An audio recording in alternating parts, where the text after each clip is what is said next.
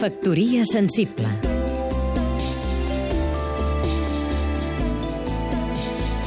Oleguer Sarsenedes, periodista L'11 de maig de 2013, la presència de diòxid de carboni a l'atmosfera va superar les 400 molècules per milió. No es produïa una concentració semblant de CO2 des de feia pel cap baix 800.000 anys. Aquell dia vam creuar un llindar perillós. Si els nivells de CO2 no se situen per sota de 400, no aconseguirem mantenir a ratlla l'augment mig de la temperatura de la Terra.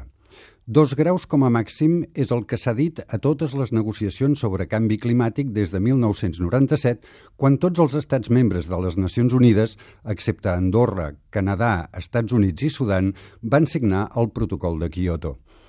Avui és un fet establert que el canvi climàtic existeix i que és induït per l'activitat humana.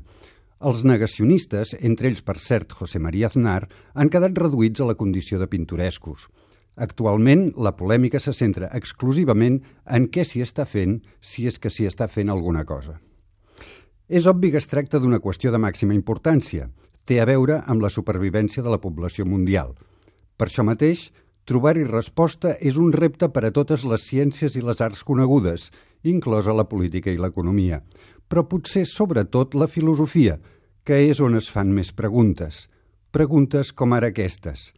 Què dimonis ens pensem que estem fent tots plegats? És ètic que deixem que s'ho carreguin tot, inclosa la vida, al nostre planeta? Té lògica que pensem que ens continuarem guanyant la vida fabricant cotxes? El canvi climàtic, finalment, és una qüestió cultural, de les creences i els costums de les societats industrialitzades. Una qüestió de civilització, de fet. Factoria sensible Seguim-nos també a catradio.cat